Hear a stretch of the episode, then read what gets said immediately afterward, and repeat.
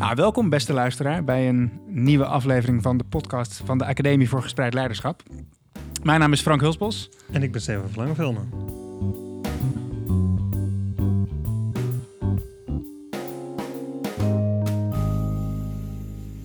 Vandaag bij ons de gast is Kim Jansen. Welkom Kim. Specialist praktijkleren bij de Cerelo Academie. Ehm, we gaan het um, met z'n drieën hebben over het onderwerp praktijkgestuurd leren. En dat vinden wij een onderwerp dat de moeite waard is, omdat je uh, vanuit praktijkgestuurd leren, is natuurlijk een breed begrip, maar vanuit het praktijkgestuurde leren zoals wij dat zien, um, start het leerproces bij de leervragen die studenten uit de praktijk meebrengen.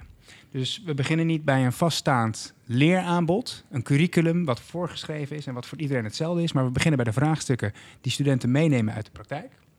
En dat betekent dus ook dat de student heel sterk zelf de regie heeft over zijn of haar leerproces. En dat maakt zo'n onderwerp, Stefan, voor ons natuurlijk ook de moeite waard. Ja, ook omdat het eigenlijk vrij nieuw is. Hè? Vooral in een opleidingscontext zijn we dat helemaal niet zo gewend. Want dan zijn we heel erg gewend om gewoon te denken... wij als opleiding moeten weten waar de student toe opgeleid wordt. En dat reduceren we of dat brengen we terug tot uh, vakken en uh, de, uh, beoordelingskaders. En wij bepalen wanneer wat moet gebeuren voor de student. Dus die regie is altijd heel beperkt. En je zou kunnen zeggen, in het klassieke onderwijsconcept... is er een duidelijke hiërarchie aangebracht... Ja. waarbij docenten over het algemeen leidend zijn... gaan over de beoordeling en gaan over de inhoud die er geleerd moet worden... En is de student meer in de volgende rol? En probeert hij zijn best te doen om te voldoen, zou je kunnen zeggen, aan de eisen die gesteld worden vanuit de opleiding en door de docent. Bij het praktijkgestuurde leren, Kim, proberen we dat eigenlijk meer om te draaien. En willen we juist veel meer de student in de regie zetten. Um, ja, of misschien zelfs nog wel de praktijk in de regie zetten. Uh, waardoor dus de student dan uiteindelijk zelf zijn pad uh, inkleurt, als het ware. Ja, ja. In plaats van dat de opleiding dat doet. Maar wel met de eindkwalificaties natuurlijk die uh, vastgesteld zijn. Dus misschien wel goed om is nog even te benoemen. Ik, um, uh, jullie zijn allebei op jullie manier binnen jullie context bezig met dat onderwerp. Mm -hmm. uh, maar binnen een totaal, of niet een totaal andere context, maar binnen een eigen context. Kim, jij werkt dus bij de uh, Academie. Klopt. Stefan, jij bent als docent verbonden aan de Master Pedagogiek van de Fontis Hogeschool in ja. Tilburg. Ja. Um, ik sprak met jullie beiden los over dit onderwerp. En toen merkte ik dat er best wel veel overeenkomsten zijn in jullie opvattingen over opleiden en leren. En dat was voor ons, of voor mij in ieder geval een aanleiding om te zeggen... volgens mij moeten we een podcast met z'n drieën opnemen over dat onderwerp... en dus onderzoeken van wat bedoelen we daar nou mee met dat praktijkgestuurd leren.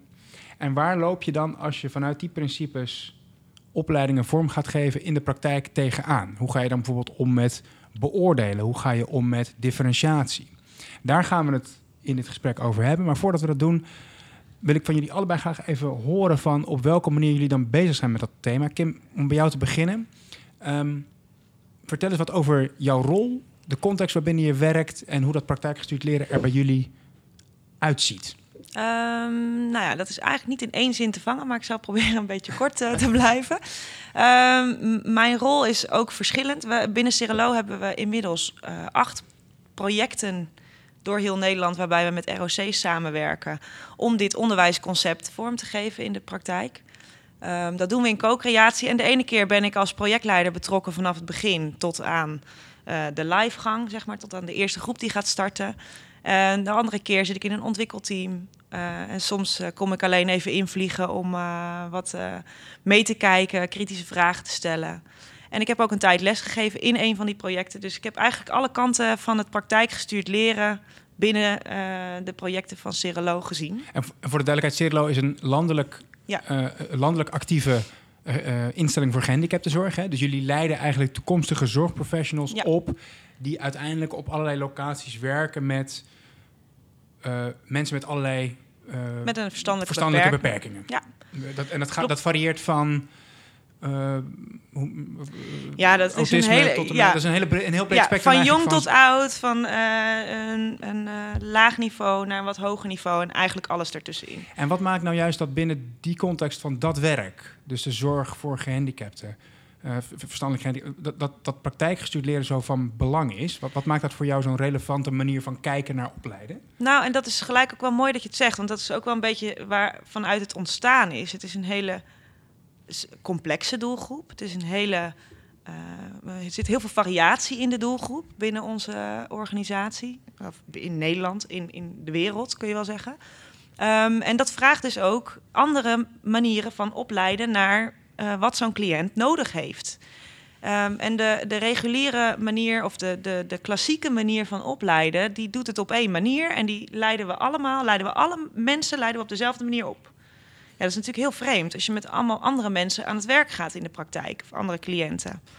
Daarnaast zien we ook nog heel veel um, um, verschil in de mensen die nu binnen de gehandicaptenzorg komen werken. Dus waar dat vroeger mensen waren die net van de HAVO of van de MAVO afkwamen, zijn het nu voornamelijk zijnstromers die bij ons komen werken en leren. En dat vraagt ook weer wat anders in het hele leertraject. Dus we, we zagen dat één manier van opleiden, dat voldeed niet meer voor die cliënt. Dus om zo goed mogelijk die cliënten en de praktijk te bedienen, moeten we veel meer op maat gaan kijken. Wat hebben ze dan nodig in dat leertraject? En toen zeiden we nou, dat kan niet alleen de school bepalen. Dat, dat moeten we samen doen om te komen, hè, om al die stukjes expertise uit de praktijk en uit het onderwijs samen te voegen tot een ja, concept. Ja, want de projecten praktijkgestuurd leren bij jullie die ontstaan dus ook echt in samenwerking tussen jullie als uh, gehandicapte zorginstelling en verschillende ROC's. Hè? Dus onderwijs en praktijk werken samen in het vormgeven van de opleiding. Um, uh, en ik zei net bij de introductie van praktijkgestuurd leren dat, dat heeft op zijn minst twee hele belangrijke kenmerken. Enerzijds dat de leervraag uit de praktijk centraal staat. En anderzijds dat de student dus sterk zelf in, in, in regie is. Hè? In, in, in, mhm. Dat hij regie voert over zijn leerproces.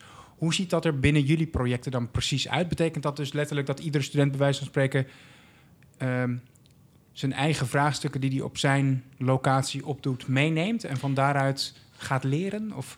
Uh, ja, als je het heel uh, zwart-wit zou bekijken, zou dat het, is dat het. Alleen is het natuurlijk wel zo dat die student um, niet vanaf dag één al uh, naar binnen de school binnen kan lopen of, of de plek waar hij onderwijs volgt. Hè. Dat is niet altijd de school. soms is dat ook in de praktijk. Um, het liefst wel, dat is wel een beetje de droom, zeg maar, om dat niet alleen maar in een schoolgebouw te doen. Um, het is natuurlijk niet zo dat als hij of zij binnenkomt, dat hij dan zegt van nou, vandaag wil ik dit leren. Ook dat gebeurt in samenwerking. Dus de docent en de uh, praktijk gaan samen kijken en signaleren en formuleren uh, totdat ze bij een leervraag komen die past bij de praktijk van dat moment. Ja. En op basis daarvan kan dan de student zeggen Um, Oké, dan heb ik dit nodig, dan heb ik die nodig. Dan ga ik dat op die manier aantonen. Dan heb ik bijvoorbeeld deze inhoud nodig. Ja. Of deze, ik moet, moet deze bekwaamheid me nog. Ja, eh, vaardigheden, kennis en een stuk beroepshouding is ook van groot belang daarin. Dus, een, dus eigenlijk een beetje, het doet me ook een beetje denken aan flipping the classroom. Hè? Dus uh, we beginnen niet bij dit zijn. Dit is het aanbod en dit is de kennis en de bekwaamheden die wij jou aan gaan leren. Nog even los van waar je in de praktijk tegenaan loopt. Maar we draaien dat om we gaan onderzoeken bij jou in de praktijk waar je tegenaan loopt, wat jij nodig hebt om binnen die praktijk goed te kunnen werken. Juist. En daar gaan we dan het aanbod ook op Ja, en wat dan, wat dan wel mooi is om er nog bij te benoemen, want jij zei net al, hè, eigen regie, dat persoonlijk leiderschap of eigen regie, of dat echt, jij bent als student in de lead. Um, ook dat is iets wat we gaandeweg in dat leerproces uh, ondersteunen. Dus dat gaan ze leren. Want iemand die net, die nog, die altijd op een klassieke manier onderwijs heeft gevolgd, die weet helemaal niet hoe, misschien wel helemaal niet hoe die de regie moet pakken. Dus dat hoeft niet vanaf dag één. Uh, maar dat is wel een uitgangspunt. Dus uh, de, ook dat, daarin worden, worden studenten echt vooral heel erg gestimuleerd en ja, meegenomen. Zoals ik goed begrijp is zeg maar, dit, dat vermogen om zelf richting te kunnen geven aan je leerproces... zien jullie ook als een van de bekwaamheden die je leert als professional in de Precies. En moet je dat dus verankeren in je onderwijsvorm. juist, want het is zo belangrijk, zeker in deze tijd en in deze arbeidsmarkt nu helemaal, hè, in de zorg, dat je echt zelf de regie neemt. Dat je dus um, altijd kijkt naar, oké, wat heeft deze context, wat heeft deze praktijk nodig van mij als professional? Um, om de beste zorg te kunnen leveren. En je, je staat er gewoon, ja, dan toch wel vaak gewoon alleen voor. Je hebt natuurlijk collega's en een heleboel experts hebben we in huis. Maar hoe fijn is het als je dan vanuit eigen regie daarin zelf kan zoeken naar de antwoorden. Ja, want jij noemde net aan de ene kant, je werkt met een grote diversiteit aan cliënten. Dus het is, we kunnen niet op één manier opleiden. Hè? En aan de andere kant zei je, we hebben te maken met een andere groep studenten ook, die, die ook gewoon vragen om meer ruimte. Tenminste, dat vul ik even zelf in om hun leerproces vorm te geven. Hè? Die zij een stromer die toch misschien wat meer ervaring heeft dan de student van vroeger die net van de MAVO of de HAVO afkomt. Ik kan me ook nog, bedoelde je dat niet zo? Ja, zeker. Ja. Ik kan me ook nog wel voorstellen dat, eh, dat zelf kunnen vormgeven aan je leerproces en vanuit de praktijk je leervragen mogen meenemen naar de opleiding, dat dat ook wel heel bevorderlijk is voor je plezier en je motivatie op school. Ik bedoel, eh, hoe vaak ik niet eh, in de universiteitsbanken heb gezeten met het gevoel van waarom doe ik dit eigenlijk? Ehm, dat is natuurlijk ook niet bevorderlijk voor je. Nou ja, voor het plezier en de associatie ja. met leren van dat is een mooi en betekenisvol proces. Nou, en een stukje mij. intrinsieke motivatie spreek je daarvoor Ja. aan. Hè? Want je gaat dus door de, de juiste kritische vraag te stellen, denkt iemand van, oh ja, dat is fijn als ik die cliënt nog beter kan helpen. Of dat is fijn als ik me hier nog beter in deze situatie staande kan houden. Vertel me meer. Ja, dus Ja. je men- de studenten worden ook intrinsiek Op een andere manier gemotiveerd. aangesproken. Ja. Ja, Ja. mits ze wel die ondersteuning goed krijgen hè, vanuit. Dus het is, het is niet zo dat we ze helemaal vrij laten en je zoekt het zelf maar uit. Want dat wordt nog wel eens, die verwarring zie je nog wel eens als je het hebt over dit onderwijsconcept en als je kaders loslaat. Hè, waar we ook nog wel, denk ik, zo meteen nog wel een keer op terugkomen. Ja. Ja, er komt een, in ieder geval een soort betekenis of urgentie zeg maar, voor de student om aan de, om aan de slag te gaan. Of, Ja. of om, om te gaan leren. Dus niet, al- normaal gesproken komt die urgentie natuurlijk vanuit eh, dit moet voor de toets. Ja. Zeg maar, over tien weken dan ik moet mijn papiertje halen. ik moet mijn papiertje halen. En dat is de urgentie die er is om dat te leren. Want anderen hebben blijkbaar nagedacht over dat als ik helemaal over vier jaar, of hoe lang de opleiding ook duurt, eh, dat papiertje wil krijgen, moet ik eerst doen. Dat is de urgentie. Is belangrijk dat je de dat omdraaiing hier is dat de urgentie uit de praktijk komt. Ja, wel goed dat je dat even noemt inderdaad, Stefan. Ik moet toch ook wel meteen even denken aan twee grote onderzoeken die wij het afgelopen jaar hebben gedaan. In de context van het voortgezet onderwijs overigens. Eh, waar we even heel kort door de bocht concludeerden dat veel van de leerlingen die we spraken... ehm, eigenlijk alleen nog maar leerden voor het cijfer, voor de toets. En dat dat ehm zo ver eh, doorgaat eh, dat docenten in de klas merken dat studenten bij alles wat er wordt aangeboden de vraag stellen: is dit ook voor een cijfer? En als het antwoord dan nee is, dan is eigenlijk de hele klas ook meteen afgehaakt. Hè? Dus dat, dat, dat heeft een enorm effect, zou je kunnen zeggen, op de motivatie die leerlingen vanuit zichzelf hebben om tot leren te komen. En dat werkt natuurlijk ook door, zou je kunnen zeggen, in je latere werkende leven. Hè? Op het moment dat die stok ontbreekt, dan heb je dus ook niet meer het vermogen om zelf tot iets te komen. Nou, ehm, eh, ik kan me dus helemaal voorstellen dat dat een enorm belangrijk element juist ook is. eh, die motivatie bij studenten zelf weer losmaken eh, in het kader van die. Ja, en wat je nu noemt, want dat is eh, veel van wat jij zegt, Kim, over wat is eigenlijk de aanleiding voor ons om op deze manier te herken ik heel erg voor, voor, de, eh, voor de masterpedagogiek, waarom wij het eh, helemaal herzien hebben, zeg maar, de, de masteropleiding. En eentje die ik er nog aan toe zou willen voegen, die jij nu volgens mij ook naar voren brengt, Frank, is dat je dat eigenlijk verankerd zit in het beroepsprofiel, zeg maar. Dus de- de- de- heel even formeel gezegd, de eindtermen sta- staat in dit sociale domein, zeg maar. Eigenlijk dat dat professionals zijn die Mhm. in staat zijn om in het moment, eh, in de praktijk, om te kunnen gaan met de complexiteit en te kunnen handelen. Dus als zich iets voordoet in het moment, een overweging te maken, een keuze te maken in hoe ze die benadering kiezen. Maar dat is natuurlijk heel complex, want dat is niet te vatten in een protocol. Want een, en, ja, met iemand, in, eh, iemand die gehandicapt is, ja, die volgt niet het laat protocol. zich niet maar. protocoliseren. Nee, die laat in- dus, dus als verankerd zit in het beroepsprofiel dat iemand juist heel erg autonoom, zelfgestuurd in het moment kan reageren op wat er gebeurt en een over afweging kan maken, dan moet dat in de opleiding ook zitten. Ja. Anders leren we Ja, ze dat niet. Anders leren we ze achterover te zitten en, Ja. en te verwachten dat iemand kan vertellen hoe ze het Maar je moeten hebt, doen. dus, je hebt dus de, en vol- volgens mij, als we het er zo over hebben, je hebt dus de, de waarde of, of, of, datgene waar praktijkgestuurd leren in het bijzonder een bijdrage aan wil leveren, is aan de ene kant inderdaad die autonome eh, professional die zelf keuzes weet te maken in het moment. Dat is één kant van de medaille. En de andere kant is ook eh, praktijkgestuurd leren doet ook een sterker beroep op je intrinsieke motivatie om met leren bezig te zijn.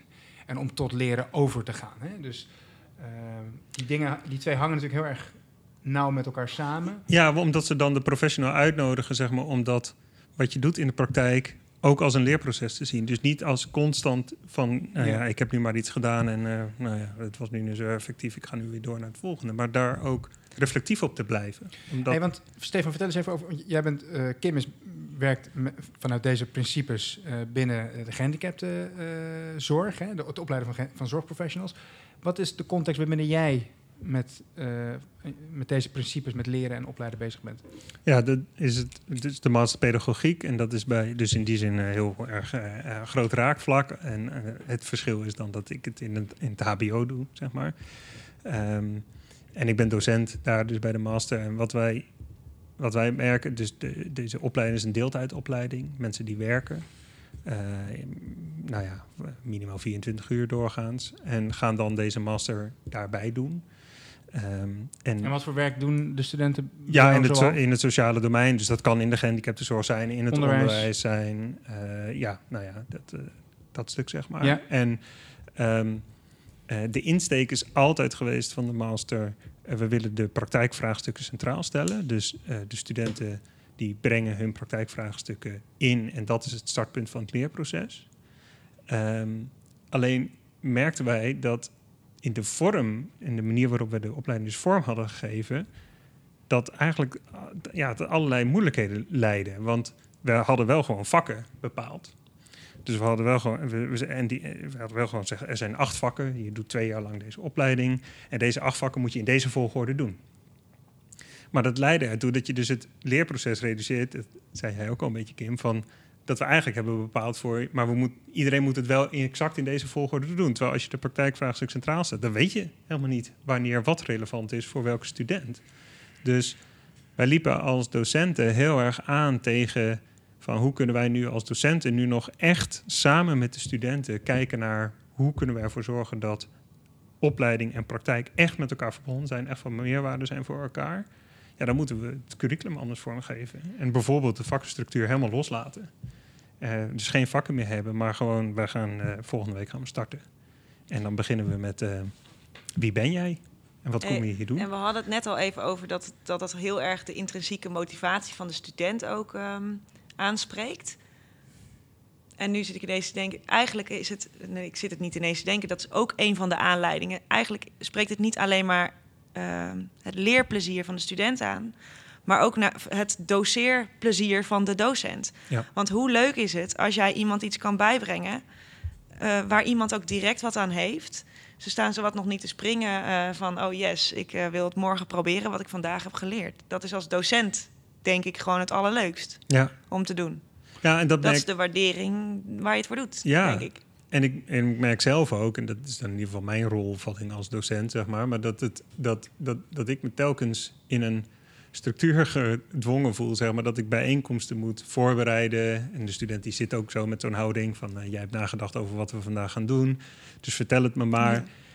En dat ik de hele tijd zoiets heb, ja, maar ik ben nieuwsgierig naar jullie, wat, wat jullie, waar jullie staan en wat, hoe ik daar mogelijk een bijdrage in kan leveren. Maar omdat er nou eenmaal een vak staat waar al een beoordelingskader voor ligt. Uh, waar al een uh, deadline voor is bepaald. Misschien is de PowerPoint ook al wel klaar. ja, de PowerPoint ligt inderdaad klaar. Dan, dan, dan, dan, merk ik gewoon dat ik dat als docent ook minder leuk vind. Ja. Omdat ik eigenlijk uh, bij wijze het niet uitmaakt wie er zit.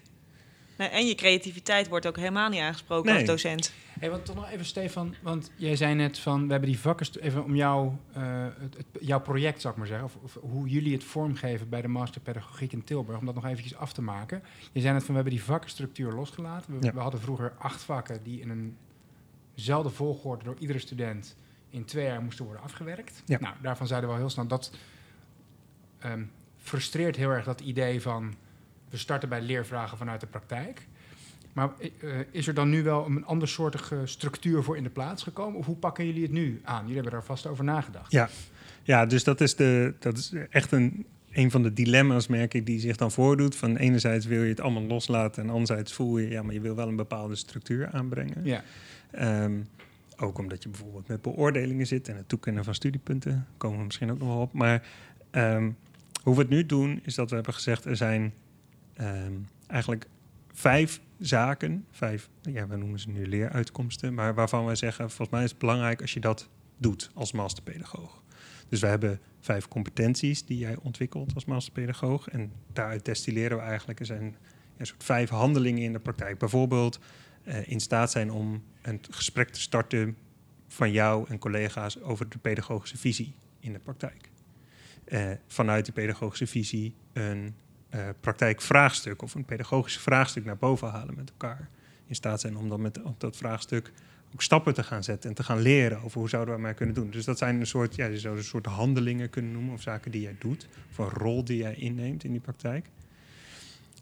Daartoe willen we de studenten zeg maar uitnodigen om dat te doen. Mhm. Maar eh, de manier waarop en de manier waarop de bijeenkomst elke donderdag komen bij elkaar, daar een rol in gaan spelen, dat geven we helemaal met de studenten samen vorm. Dus wij hebben geen vooropgezette structuur voor hoe de, de opleidingsdagen uitzien. We gaan met een groep studenten starten.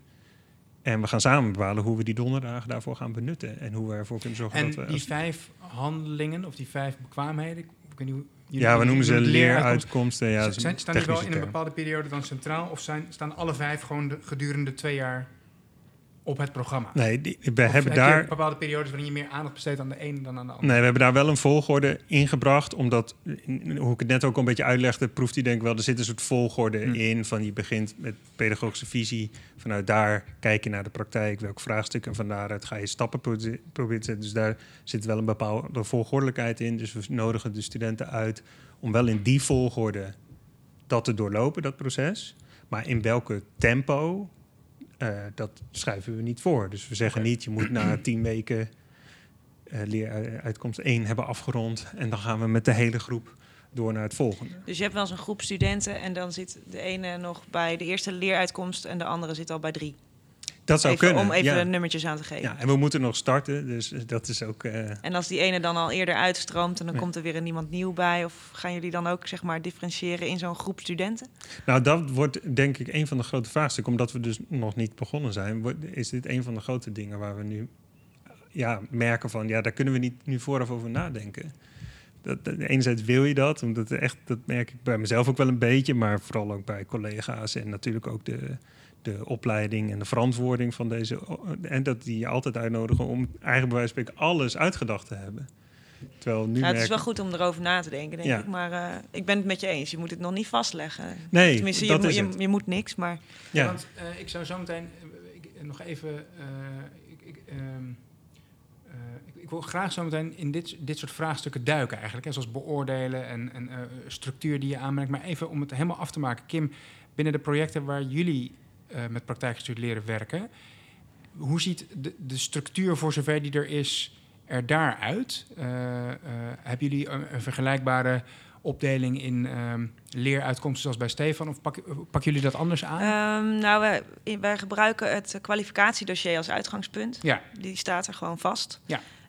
Per ehm, project zit er ook nog wel wat verschil in hoe dat dan is ingericht. Hè? Want elke school heeft en elke regio heeft ook wel weer, zo zijn eigen cultuur en zijn eigen wensen en zijn eigen vragen.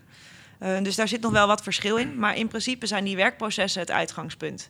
Dus dat zijn, die kun je vergelijken met de leeruitkomsten. ja even het kwalificatiedossier voor de, voor de mensen die niet weten wat dat precies is. Maar eigenlijk iedere opleiding in het beroepsonderwijs heeft een kwalificatiedossier waar de Klopt. student uiteindelijk aan moet voldoen. Ja. En daarin worden eigenlijk, vergelijkbaar inderdaad met die Ja. leeruitkomsten, werkprocessen beschreven die de student aan het eind moet kunnen beheersen. Dus eigenlijk Ja. handelingen eh, binnen contexten die die moet, in de praktijk moet kunnen brengen eigenlijk. Hè? Klopt. En we gaan nu ook toevallig eh, met één eh, HBO-opleiding aan de slag vanaf september. Eh, en dan werken we ook met leeruitkomsten. Dus dat is Ja. echt heel erg vergelijkbaar. Ja. En daar pakken we inderdaad ook de leeruitkomsten. En vervolgens gaat de student de weg ernaartoe dus zelf bepalen en Ja. zelf inrichten. En wij hebben zeg maar op proces wel wat structuur aangebracht in, de, in verschillende projecten.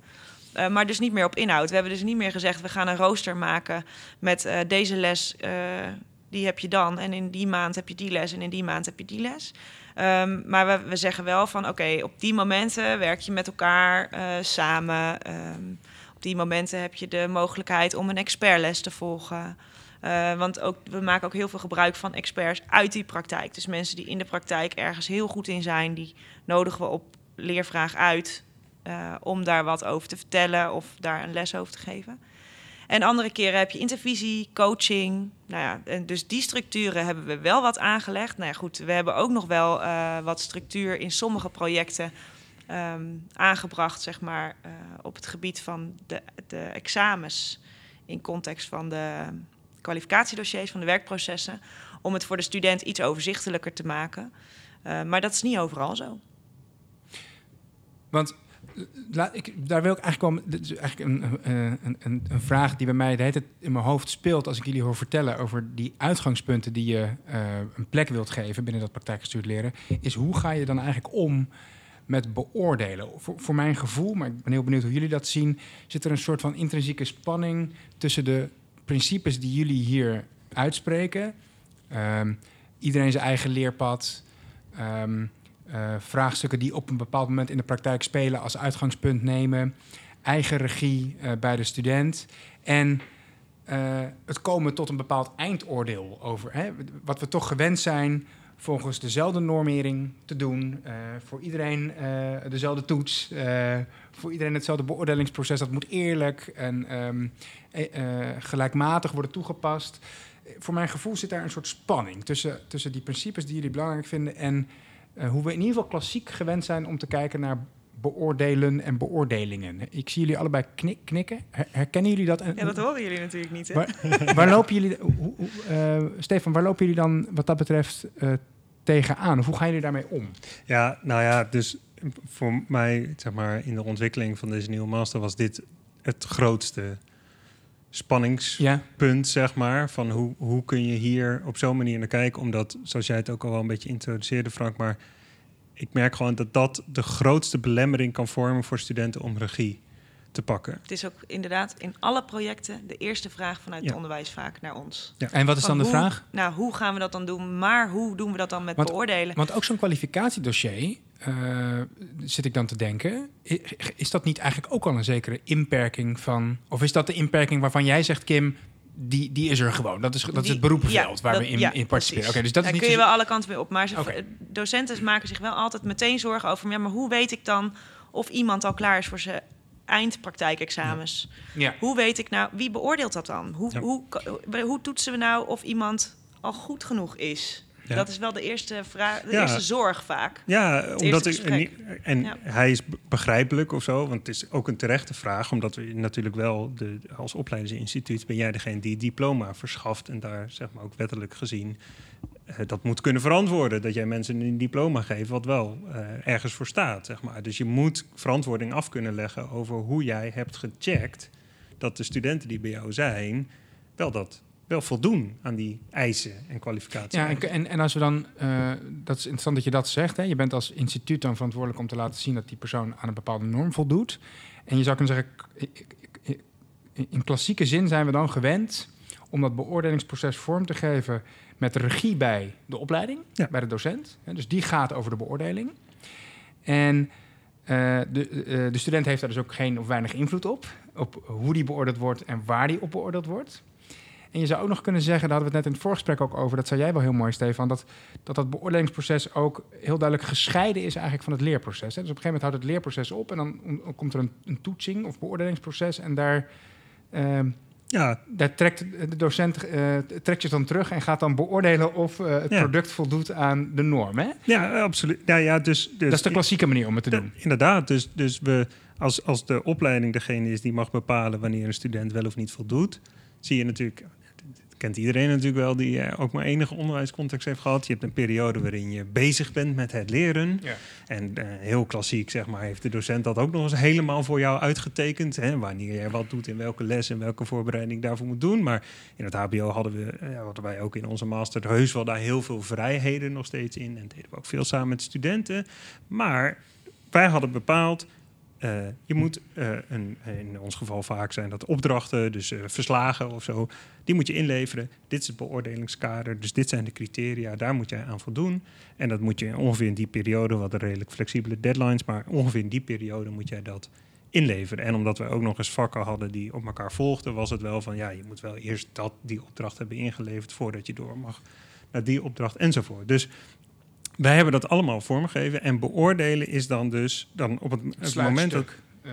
Ja, maar de student die levert dus dat stuk aan. En dan gaat de docent dat beoordelen. Ja. En dan moet de student rustig afwachten, ja. in spanning doorgaans.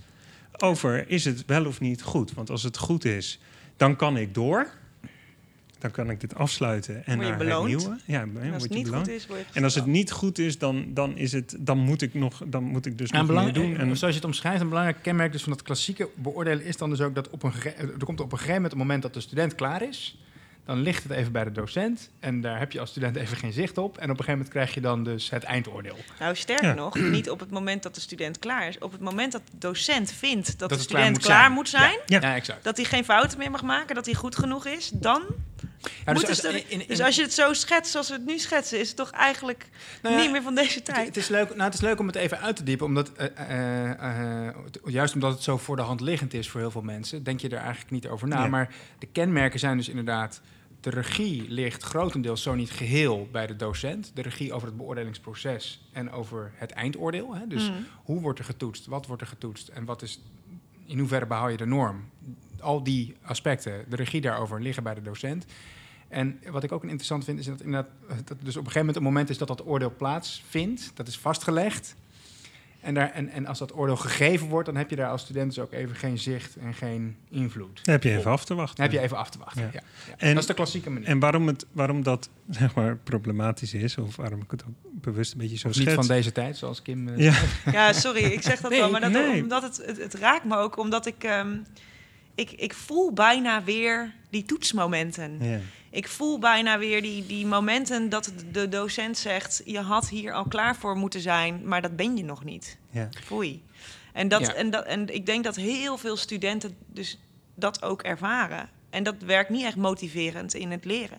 Ah, precies volgens mij wat je nu zegt, is denk ik dus waarom dit zo problematisch is voor die eigen regie en die motivatie eh, van, van de student in een opleiding. Omdat ze het gevoel hebben van, ja, maar het, het is allemaal lief, leuk en aardig wat ik hier zit te doen. Maar Maar uiteindelijk... ik zit, maar mijn lot ligt in de handen van de docent. En dat betekent. En dat is ook zo, hè? Ik bedoel, Ja, eh, maar zoals dat we is- het net ja. uitdiepen, Ja. klopt dat dus ook, die conclusie. Dat hebben ze heel goed aangevoerd. Maar, en dus het gevolg is dat ik als eh dertiger, die nou, Met ervaring. Ja, nou ja, maar beperkte levenservaring. eh, mensen in mijn master heb die 40, 50 jaar oud zijn. 60 heb ik geloof ik nog niet meegemaakt, maar hè, die, die echt ouder zijn dan dat ik ben. ehm, zich enorm ondergeschikt aan mij op gaan stellen in, een, Ja. in, in zo'n opleidingscontext. En ik chargeer een, wel een klein beetje, maar dat doe ik bewust om het scherp te stellen. Namelijk dat zij gaan zich afhankelijk van mij opstellen. Dus zij gaan mij vragen stellen als, is het goed zo? Klopt het zo wel? Maar waar gaat het over? Het gaat over praktijkvraagstukken. In hun eigen praktijk, waar zij zicht op hebben over wat er nodig is voor die cliënten. Daar kan ik echt heel moeilijk een oordeel over vellen. Ten eerste omdat ik niet in die praktijk werk. En ten tweede omdat ik denk, nou, jij bent een professional. Jij werkt langer in dit domein dan dat ik dat doe. Je hebt daar veel meer ervaring en beelden bij dan dat ik dat heb. Maar puur omdat wij in zo'n dynamiek zitten. Waarin ik degene ben die bepaalt aan het einde of jij je studiepunten wel of niet krijgt verstoort dat gewoon ons proces. Ons, ons dialoog, zeg maar. Of, ja, jij, jij noemde het co-creatie. Eh, Ja. onze, ons, onze mogelijkheid om co-creatie met elkaar te doen rondom dit vraagstuk. En een waardevol leerproces voor jou in te richten. Want jij bent, jij bent gewoon bezig met wanneer ik het Ja. goed vind. En daarna te gissen van wat zijn jouw normen. Wat, ik hoor echt nu nog, zeg maar, de studenten van net voor de zomer. Die, zei, die, die dan zeggen van ja, maar kun je me nou niet gewoon vertellen wanneer het goed is? ja, nee, die Ja. vraag die kan ik niet beantwoorden. Ja, en in die vraag zit ook een beetje, eh, denk ik tenminste, de angst om dat proces aan te gaan. Hè? Want het vraagt Ja. dus om iets.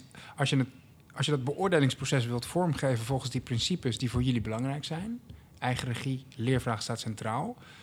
Dan eh, krijgt dat beoordelingsproces dus ook op een hele andere manier vorm. En dat vraagt ook om een andere houding en andere bekwaamheden misschien ook wel van zowel de docent als de student. Het Ja. integreert zich veel meer met het leerproces. Dus je kunt het niet meer, haast niet meer loszien.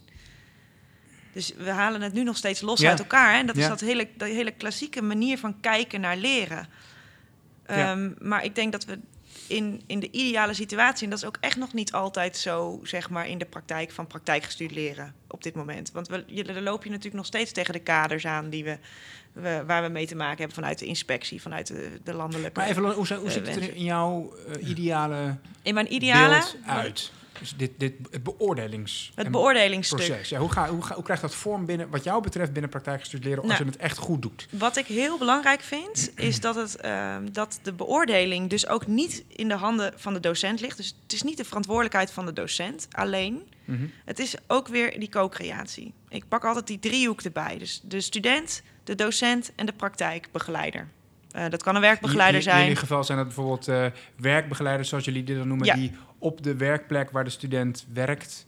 Of die de student begeleiding begeleidt. Een soort sta- stagebegeleider, maar dan Ja, je zou het allerlei eh, namen kunnen geven, maar het Ja. is iemand uit de praktijk die de student begeleidt in zijn leerproces. Ja. Ehm, dus in de ideale situatie zou ik het mooi vinden als die alle drie gelijkmatig verantwoordelijk zijn voor die beoordeling.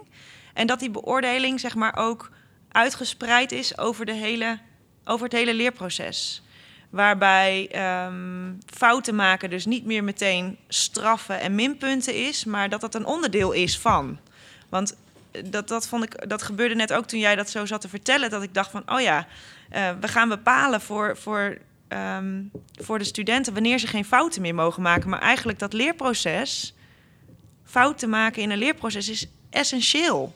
Dus eh, eerst moet het en dan mag het ineens niet meer. En ik denk dat het in de ideale situatie heel mooi zou zijn als dat met elkaar, eh, dat dat dus altijd mag. En dat je dus steeds met elkaar van die momenten gaat pakken waarin je zegt: Oké, nu gaan we kijken waar sta ik op, op die werkprocessen. Hè? Dus eh, ben ik er al klaar voor of niet? Hoe toon je dat aan? Nou ja, wij, vanuit, praktijk, vanuit de visie praktijkgestuurd leren kijken we dan bijvoorbeeld heel erg naar een stukje naar het werkproces. En dan kijken we, kun je ehm, aantonen dat je het kan. Hè? Dus heb je de vaardigheden om dit werkproces uit te voeren op beroepsbekwaam niveau? Ehm, weet je wat het betekent? Dus heb je de kennis en de inhoud daarbij onderzocht? Dus bij die vaardigheden, bij de handeling, bij de, noem het maar, afhankelijk van het werkproces. En een stukje reflectie. Kun je ref- reflecteren op wat je zojuist gedaan hebt en wat je aan kennis daarin eh, hebt onderzocht of tot je hebt genomen? Nou, dus die drie pijlers zijn belangrijk. En ik vind dat je die drie pijlers in die driehoek met elkaar moet bespreken. Continu. En het liefst vier keer per jaar. Of misschien nog wel vaker, maar in ieder geval vier keer per jaar. Dat doen we al. Hè? Dus we hebben vier keer per jaar leerplangesprekken... waarin je in die driehoek eh, zitten we met elkaar om tafel... om te kijken waar staat een student, wat heeft hij gedaan... wat kom je nu tegen en waar ga je naartoe. Ehm, en dat zou ik ook heel graag willen meenemen in dat hele be- beoordelingstraject. En op dit moment is het zo dat we ehm, zeg maar naar die werkprocessen kijken we steeds van hè, op het moment dat iemand beroepsbekwaam is op die werkprocessen, dan mag iemand zijn eindpraktijkexamens gaan doen. Ja. Dus we hebben nog steeds die eindmap met praktijkexamens die dan afgenomen worden. Maar je weet dan eigenlijk bijna al zeker dat hij het... Ik- toen ik kan. docent was, zei ik, en eh, misschien mag ik het wel helemaal niet zeggen, maar ik zei het toch. eh, ik zei altijd, die eindexamens maken me niet uit. Dat is alleen de strik die je eromheen doet. Ja. Dus ja, dat is een het- formaliteit. Het gaat om het leerproces. Het gaat om, als wij met z'n drieën zeggen... jij bent klaar om die eindexamens te doen... dan kan je ze niet meer niet halen. Dat klopt niet. Want je, we zeggen, je bent beroepsbekwaam. Dus Ja. je moet het kunnen dan. Dus voor mij zijn die eindexamens alleen maar voor, voor het dossier belangrijk. Eh, ik snap wel dat, dat het een ma- manier is om te kijken... hebben we dat beoordelingsproces wel voldoende Ja, eh vormgegeven? Ja. het is een final check. En hebben we dat beoordelingsproces, zeg maar, gaande dat eh je zou ook kunnen leertraject zeggen, goed die, strik, je noemt het grappig genoeg dat je het een strik noemt. Eh, als ik verplaats me even in het perspectief van de student, in die driehoek. eh, dan wil je die strik op een gegeven moment ook gewoon hebben. Hè, Nou ja, ja, daar zijn als je mogen wil ze op ook een heel gegeven erg moment trots op zijn. Ja, je wil op een gegeven moment ook laten zien. Het heeft ook bijna in die zin een soort ceremoniële waarde dan. Hè, dat je zegt van ik, ik, ik ben hiertoe in staat, ik beheers dit werkproces. Deze bekwaamheid die van mij als zorgprofessional wordt gevraagd, die beheers ik. En dat wil ik laten zien. En dat wil ik formeel. Dan krijgt ook dat formele eindoordeel een heel andere betekenis Ja. voor je. Daar kies je namelijk op een gegeven moment ook zelf Ja, voor. dat zou de ideale situatie zijn. in spanning naartoe gaat en eigenlijk nog niet zeker weet of je het gaat, wel of niet eh, gaat halen en beheerst. Hè? Ja, nou, dat zou de ideale situatie En ik heb studenten gehad, echt, die er zo naar keken. Ja. Zo van, ja, laat mij dat examen maar doen, yes, en nou ben ik ook. klaar. En dan Dus- heb je ook echt een eindpunt. Hè? Dus Maar ik heb ook nog steeds heel veel studenten die ik tegenkom die er echt zenuwachtig voor zijn. En dan zeg Ja. ik, hou ermee op, want je kan het al. Maar ik zit, want ik zit, volgens, volgens mij komen we via dit gesprek over beoordelen ook een beetje op een ander punt wat ik heel graag met jullie zou willen bespreken. En dat is namelijk rolopvatting. Rolopvatting van docent en rolopvatting van student binnen dat leerproces. Jij zegt, Kim, ehm, fouten maken eh, moet juist kunnen. Hè? Dus het is juist goed om dat beoordelingsproces en dat leerproces veel meer te integreren zodat je gedurende je leerproces ook ziet waar je staat. En, waar, en, en fouten maken is binnen, daarbinnen juist goed. Want dan weet je ook weer waar je nog stappen eh, op moet zetten. En dat er een, dat vond ik heel mooi hoe je dat zei, dat, soort, dat, dat de verantwoordelijkheid voor dat beoordelingsproces gelijk verdeeld is. Hè, tussen Mhm. de docent, de student en de werkbegeleider. En dat eh, gelijk verdelen van die verantwoordelijkheid, dat raakt natuurlijk heel erg aan je rolopvatting als docent bijvoorbeeld. Ja. Hè, Ja, in het klassieke zeker. onderwijs is je rolopvatting helemaal niet dat de verantwoordelijkheid voor het beoordelingsproces gelijk verdeeld is tussen jou als docent en de student. Maar nee, dat je daar als docent juist bij uitstek verantwoordelijk voor bent. Bijvoorbeeld omdat je voor een instituut werkt wat eh, eh, betrouwbaar moet zijn in het oordeel dat hij velt over eh, de student. Hè? Dus, dus in die klassieke rolopvatting ben je juist veel meer eenzijdig verantwoordelijk, zou ik maar Ja, zeggen. voor het zeker. Dus dat doet echt iets met de rol van de docent. En wat merken jullie daar dan eh, voor ongemak misschien of voor struggles hè, eh, bij docenten die eh, op de, en ook studenten net zo goed, die binnen zo'n ehm, nieuw onderwijsconcept gaan participeren? Ja, binnen als het, het gaat om die rolopvatting. binnen het nieuwe. Ja, Maar- ja. ehm, nou, binnen het nieuwe jaar. Ja, oké. Ja, ik had er een, een overweging bij in de oude, zeg maar. Ehm, Nou, doe die anders even. ja, nou, de, de, ehm, het- net zei ik ook al even zoiets als dat, dat de student natuurlijk gaat gissen naar, naar de norm van de docent. Dus dat, dat is er één. Ehm, maar wat ik heel sterk merk is omdat de beoordelingskaders vooropgesteld zijn. Als ik aan een vak begin, zeg maar, in de oude master, dan ligt het beoordelingskader er al. Maar we, we werken in een complexe praktijk waarin dat betekent dus dat die criteria die zijn niet eenduidig. Dus wanneer is iets praktisch relevant? Ja, ja, leg het maar uit. Wanneer is iets goed onderbouwd? Dat zijn, dat zijn criteria waarvan we doen alsof die eenduidig bekend zijn, maar dat zijn ze niet. Want voor de student betekent die iets anders dan voor de docent. Of kan dat zijn? Ja. En voor de En praktijkbegeleider voor de praktijk ook waarschijnlijk weer, weer, weer, wat anders. Dus het is heel erg onderhevig aan de interpretatie van die persoon. Maar omdat we dat vooropgesteld hebben, is wat we heel vaak niet doen, het gesprek voeren met elkaar over wat betekenen die criteria nou eigenlijk precies. Op zijn best zeg je aan het begin, kijk eens naar die beoordelingscriteria, lees het eens een keertje door, snap je het? En dan zeggen studenten ja. En dan weet ik eigenlijk al, ja, wij, wij hebben hier echt een andere interpretatie van. En gedurende het, het vak, zeg maar, over het leerproces, is, gaat de student dan dus ontdekken wat eigenlijk de docent zijn interpretatie Ja. van de beoordelingscriteria is. En dat is dus problematisch, omdat de student dan dus niet eigen maakt van wat ben ik hier nou aan het doen en wat zijn hier belangrijke normen of criteria voor.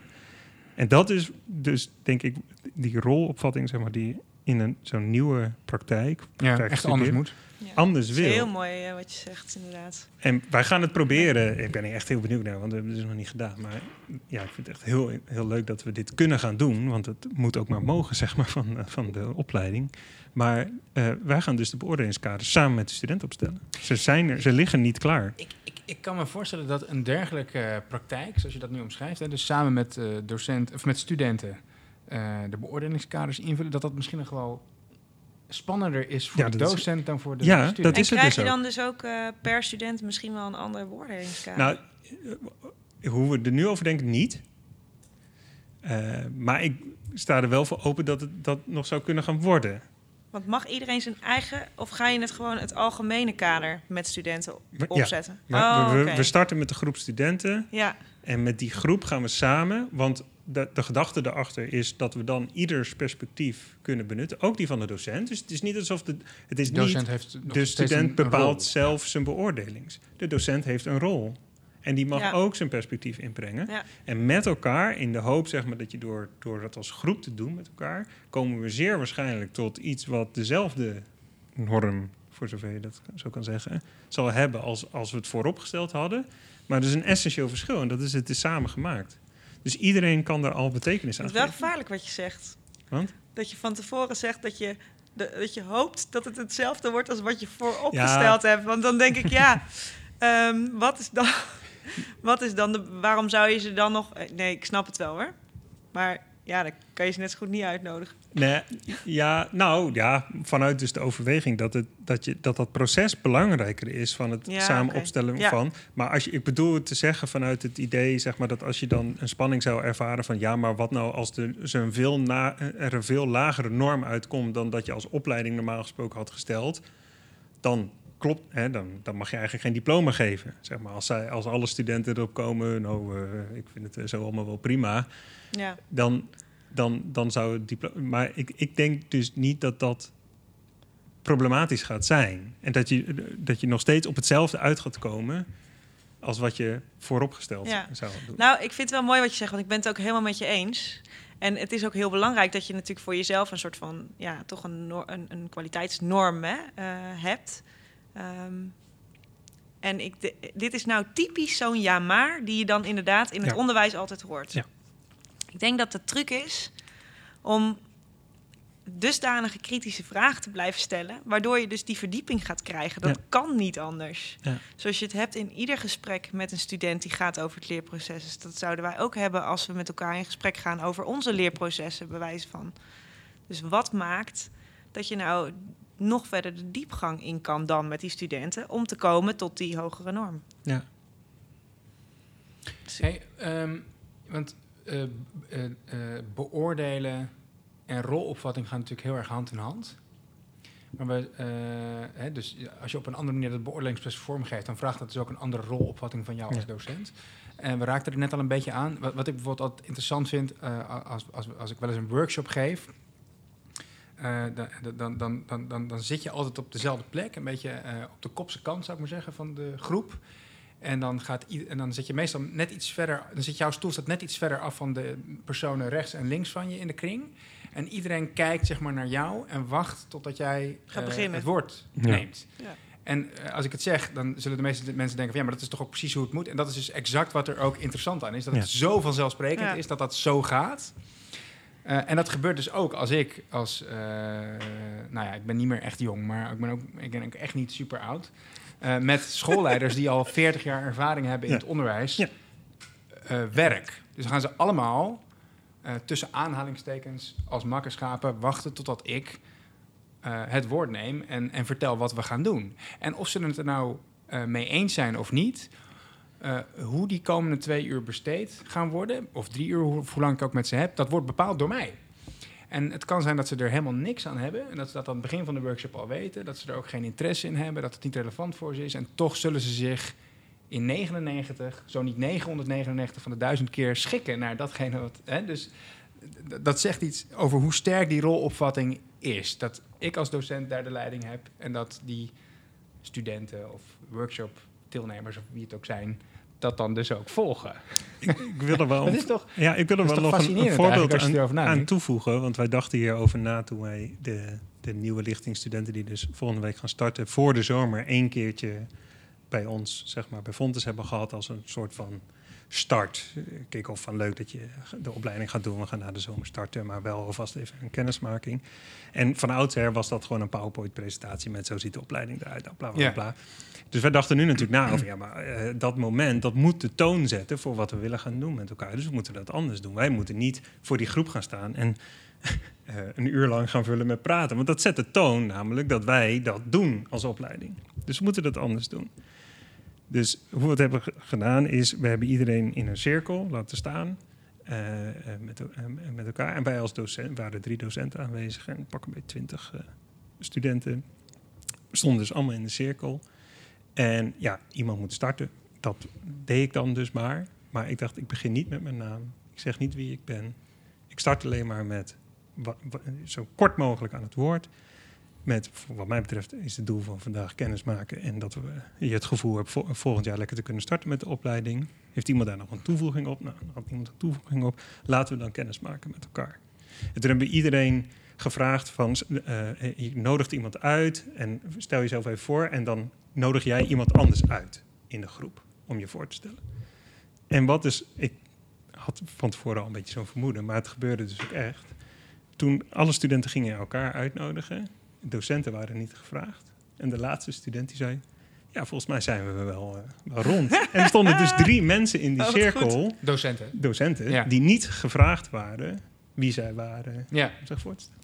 Maar dat is de, daarin zie je zeg maar alweer ja. dezelfde, daar zit dezelfde rolopvatting. Uh, ja, en, en blijkbaar is het dan dus ook, even jouw voorbeeld volgend, is het dan dus ook niet genoeg om te kiezen voor een andere opzet, zoals jullie daar deden. Uh, je moet dus ook blijkbaar oefenen met het invullen van een andere opzet. Hè? En dan moet je een paar keer ervaring mee opdoen. En het moet een, het moet een beetje normaliseren dat ook de docent uh, iemand is met ideeën en behoeftes. En bijvoorbeeld, hè? Dat, is, dat is wat hier, dat idee is, ontbreekt hier. En daardoor komt het bij niemand op om die vragen ook aan de docenten en wat, is de, wat is de ideale rol van de docent voor jullie? zeg maar in dit, in dit concept. Hoe, hoe zou je dat willen schetsen? Um, ja, we, we, we, hebben in onze gedachten daarover in ieder geval drie aspecten zeg maar, van je rol als docent. Dus enerzijds het coachende aspect. Dus aansluiten bij het leerproces van de student en proberen daar een toevoeging aan te doen, zeg mhm. maar.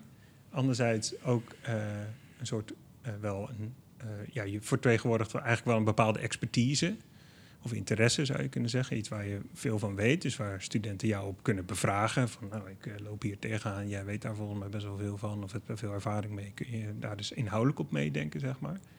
En uh, ja, medelerende, ook gewoon iemand die geïnteresseerd is in deze thematiek. Doe Mooi, geen docent pedagogiek, omdat ik het totaal uh, niet Je nooit meer hoeft te leren, je weet alles al. Ja, dus al die vraagstukken waar die student mee zitten, die vind ik ook interessant. Ben ik ook benieuwd, hoe doe jij dat dan in die praktijk? Of waar lopen jullie dan tegenaan?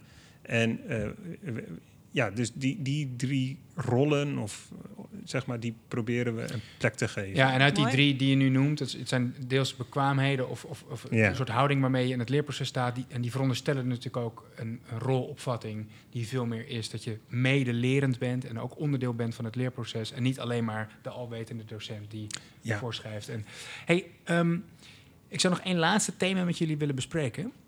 Ja, ik vind deze nog wel interessant. Ja. Nou, want ik ben inderdaad ook wel benieuwd hoe jij dat ervaart, Kim. ja. met studenten, hoe die dat ervaren. Hoe die dat zien. Nou, ik, vind hem, ik vind hem echt wel interessant. Ik kan hier denk ik nog wel een uur over doorkletsen, zal ik niet doen. Maar ik denk namelijk inderdaad dat je veel meer gaat naar een soort van gelijkmatige ehm, relatie. Waarin je dus ook de docent, hè, de, de lerende is. En toch denk ik, als je kijkt naar het leren, en uh, de bekwame ander, hè, die je daarin nodig hebt, dus de docent kan dat zijn in dit geval, dat er altijd een soort natuurlijke hiërarchie zal ontstaan tussen, in de relatie tussen docent en student. Alleen, ik vind het belangrijk dat die hiërarchie meer vanuit het natuurlijke komt, dus vanuit het organische. Ja, en dat die misschien ook kan veranderen na verloop van tijd. Precies. En ja, precies dat. En ik denk dat dat, een, dat, dat de ideale uh, rolverdeling zou kunnen zijn. En ik vond het heel mooi, de drie punten die jij zegt, die neem ik ook uh, mee naar onze projecten. Want we zijn inderdaad altijd met docenten in gesprek over hoe vul je dat dan in?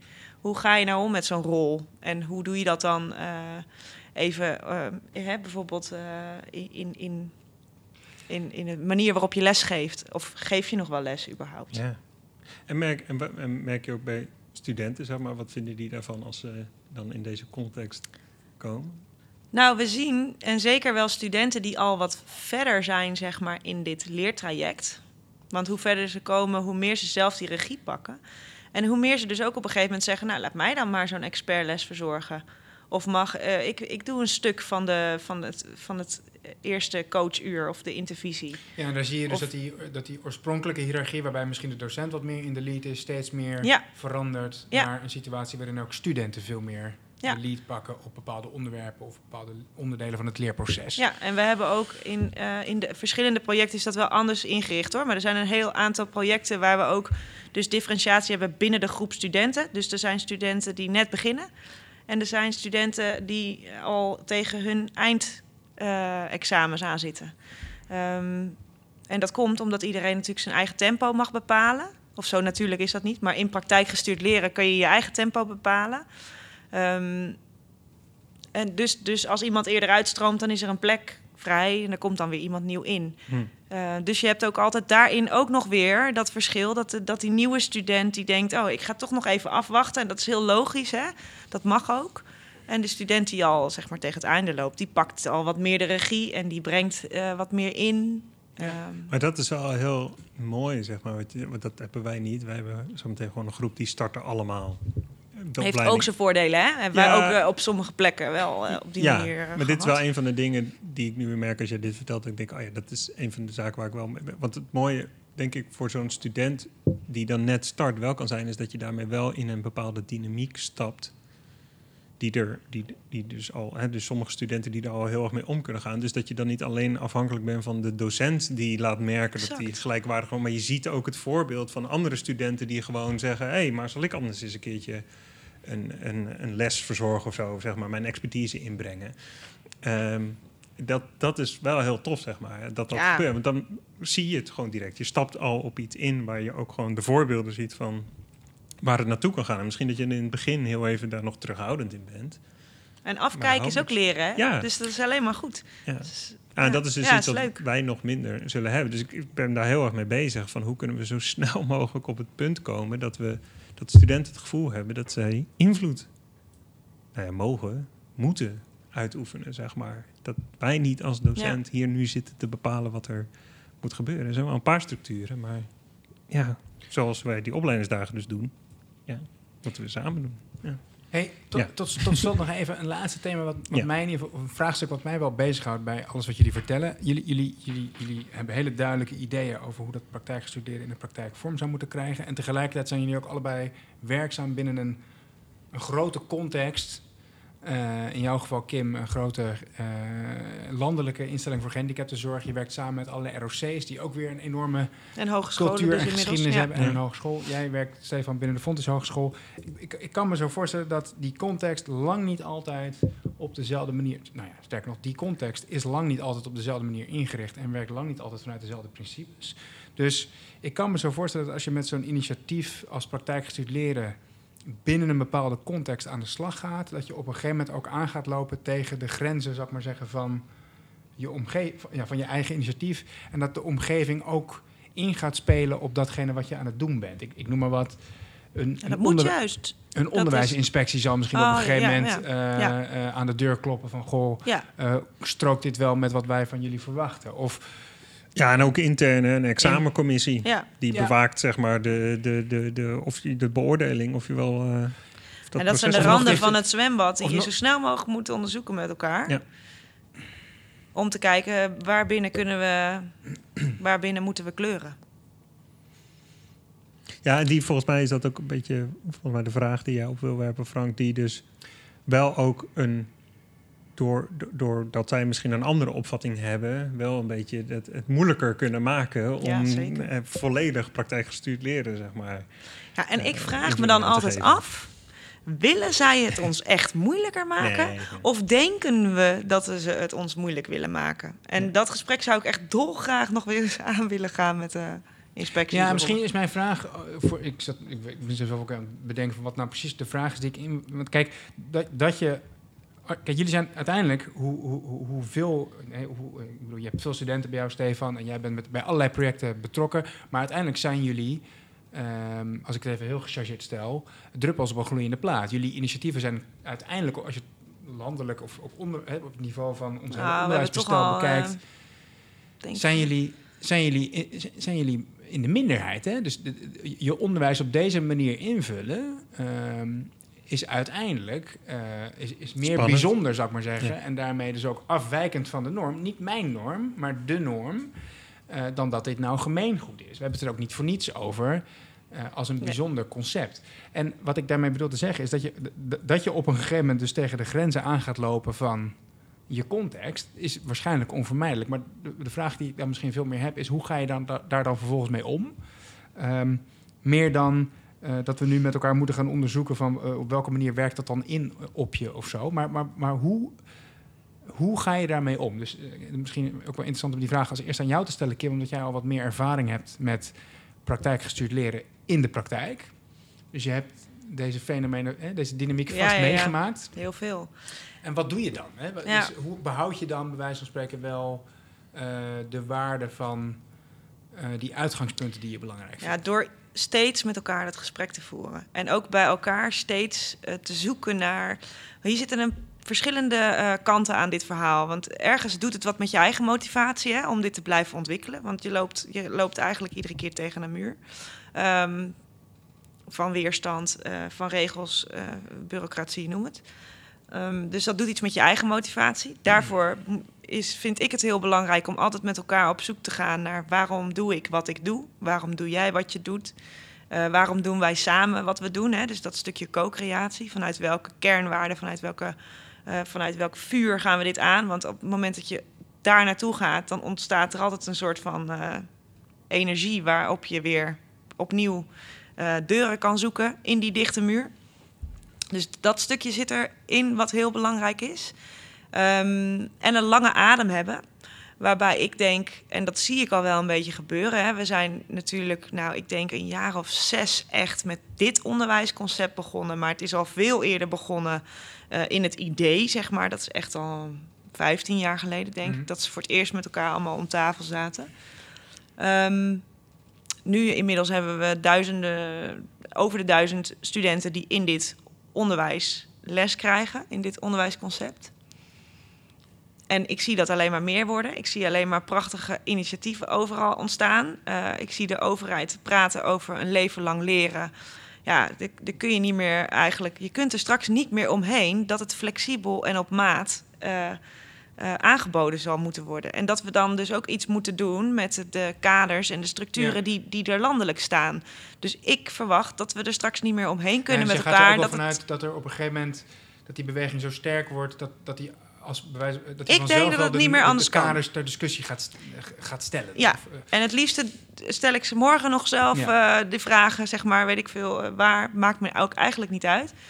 om dat in gang te zetten. Maar ik denk dat juist doordat wij dit soort initiatieven ehm, starten, dat we hiermee bezig zijn, dat, dat de kans alleen maar groter is dat er straks voor iedereen een plek is om op zijn eigen manier te leren. En dat is ook wel een beetje mijn, mijn levensmissie. ja. Dus dat, dat maakt ook wel dat, dat het voor mij in ieder geval de lange adem. eh, wel vol te houden Houdbaar, is. ja, blijft. ja.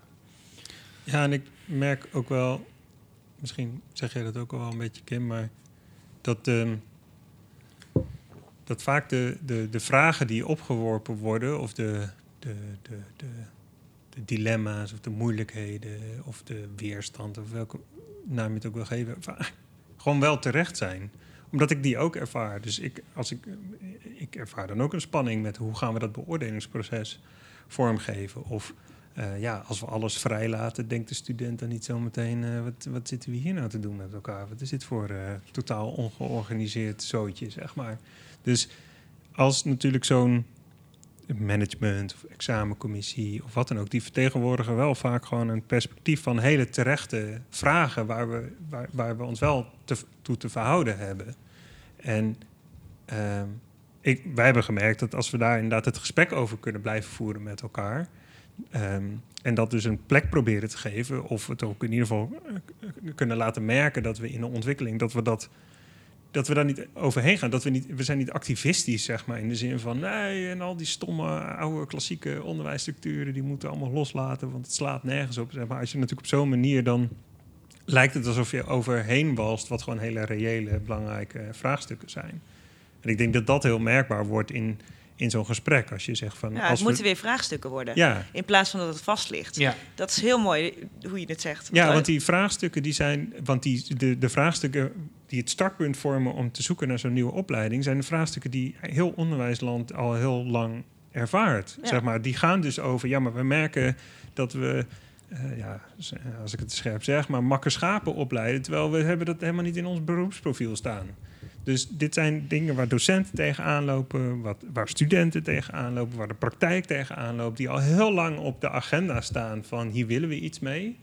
Dus ja, daar probeer je dan nu gewoon iets in te doen. En alle ja, dilemma's die dat oproept, die zijn wel Nou, reëel En, en, moeilijk. als ik nog aan mag vullen, want dat ehm, het zijn vraagstukken die al heel lang leven. En mensen denken dan wel eens, hè, als we beginnen met zo- zo'n project van...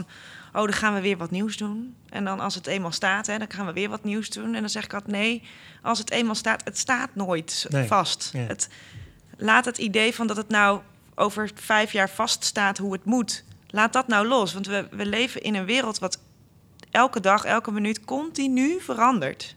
Dus hoe kun je dan onderwijs, hè, leren, vastleggen? Ja. Dus zorg met elkaar dat je blijft praten over, dat je het blijft ontwikkelen. Het, Ja. En daarbij is het dus ook de kunst, zoals Stefan het mooi zegt, dat je die vragen die, die je in eerste instantie misschien ook een beetje als een soort last kunt ervaren. Hè? Bijvoorbeeld een examencommissie stel ik me zo voor, die dan vraagtekens zet bij wat je aan het doen bent, maar dat je die juist omvormt tot Ja. hoe kunnen we die vragen, of hoe kunnen we die vragen vanuit die externe context juist een, ja, centraal Mooi. stellen als Ja. leervragen van onszelf als opleiding, waar we dus eh, een draai aan moeten Ja, en die we dus ook gedurende dat proces, zeg maar, dus eh, verder gaan onderzoeken. Dus als we, ik denk niet dat we daar op dat punt gekomen, ik hoop het in ieder geval niet, maar als we gaandeweg het proces concluderen, nee, we moeten toch echt lessen gaan organiseren als docent, want er moet bepaalde inhouden moeten echt besproken worden, dan kunnen we dat nog steeds doen binnen de huidige opzet. Ja, Ja, ik hoop niet dat we daarop uit gaan komen, maar het zou kunnen. Ja, dus als een bepaalde natuurlijk- inhoud eh, wenselijk is vanuit de, de leervragen. Ja, maar dan komt hij Oh. nog het leren. Ja, ja dan komt hij uit de leervraag. Dus in ieder geval zo, zo richten wij wel de lessen die Ja, ja, ja. gegeven worden, richten wij zo Nee, in. dat is de- Ja, dat, dus ja. dat is ook onze insteek. Maar ik bedoel dat als je bij wijze van spreken zegt... nou, er komt te weinig uit die leervraag... of de studenten die kunnen niet eh, tot een leervraag komen... dat je dan in één keer weer klassiek gaat organiseren. Nou ja, dat, dat zou kunnen nog. Ook maar- een hele mooie weerstand om, om er even op in te spelen. Want de eerste periode van zo'n student vindt ze het ook vaak heel moeilijk om een leervraag te stellen. Stel de vraag maar eens aan docenten. Wat is jullie leervraag? Weten Ja. ze ook vaak niet. Eh, dus, dus het eerste stuk gaat ook vaak over hoe kom je nou tot zo'n leervraag? En moet zo'n student dat helemaal in zijn eentje verzinnen? Nee, daar heb je als docent een hele mooie signalerende rol in, maar ook als praktijk. En juist door weer die kritische vragen aan elkaar te blijven stellen, ga je kijken welke vraag ligt er nou onder die vraag. Welke, Ja. Alleen al de vraag van, nou, wat heb je deze week gedaan op je stage of op je werk? Of wat ben je tegengekomen? Wat, deed, wat, deed, wat gebeurde er? Wat gebeurde er? Ja. Wat deed dat met jou? Wat deed dat met je collega? Nou, daar komt 100% altijd een vraag Ja. of een leerpunt uit. Altijd. Waar je Ja. verdieping op kan zoeken. Ehm, ja, ik vind, eh, we kunnen hier natuurlijk Ja. nog heel lang over doorpraten. En dat zouden we ook eh, moeten doen. Podcast maar van drie uur. tegelijkertijd moeten we, moeten we ook de tijd zomergast. Ja. dan. ja, precies. Ja, we hebben het heel uitvoerig gehad met jullie, eh, met z'n drieën, over praktijkgestuurd leren. En over de vraagstukken waar je binnen praktijkgestuurd leren tegenaan loopt. Ehm, dank jullie wel daarvoor. Eh, superleuk, Kim, dat jij eh, te gast was. Ehm, ik kan me ook wel voorstellen dat we hier nog een keer een vervolgaflevering op moeten maken. Kim en ik, of Kim, jij en ik zijn zeker dit jaar nog bezig met een onderzoek naar praktijkgestuurd leren binnen de context van de projecten waar Cerelo bij betrokken is. Ja. Nou, Stefan, Super. jij gaat, of jij bent eigenlijk nu min of meer van start gegaan met jullie nieuwe Ja, onderwijsconcept ik kom graag een keer kijken als het mag. Nou, Ja. vooruit. Vind ik leuk. Dus laten we, dit, laten we dit vraagstuk gewoon centraal blijven stellen. Met name ook, wat, wat, wat het voor mij heel erg de moeite waard maakt, is inderdaad dat je dus die klassieke hiërarchie die binnen een klassieke onderwijscontext altijd bestaat, probeert te doorbreken. En veel meer de eigen regie en de motivatie van studenten probeert aan te spreken vanuit de praktijk waarbinnen zij werkzaam zijn. Ehm, eh, nou, beste luisteraar, eh, mocht je er nog zijn. Ehm, eh, en je vond het een interessant gesprek, laat dan een rating of een review achter binnen je podcast-app. Als je vragen hebt naar aanleiding van deze of andere afleveringen, mail ons dan op contact.gespreidleiderschap.nl. En als je meer wilt weten over waar wij mee bezig zijn, dan kun je ook op onze site kijken. gespreidleiderschap.nl dus. En eh, nou, dan rest mij niets meer dan te zeggen dank jullie wel en tot een volgende keer. Tot de volgende keer. Tot de volgende keer.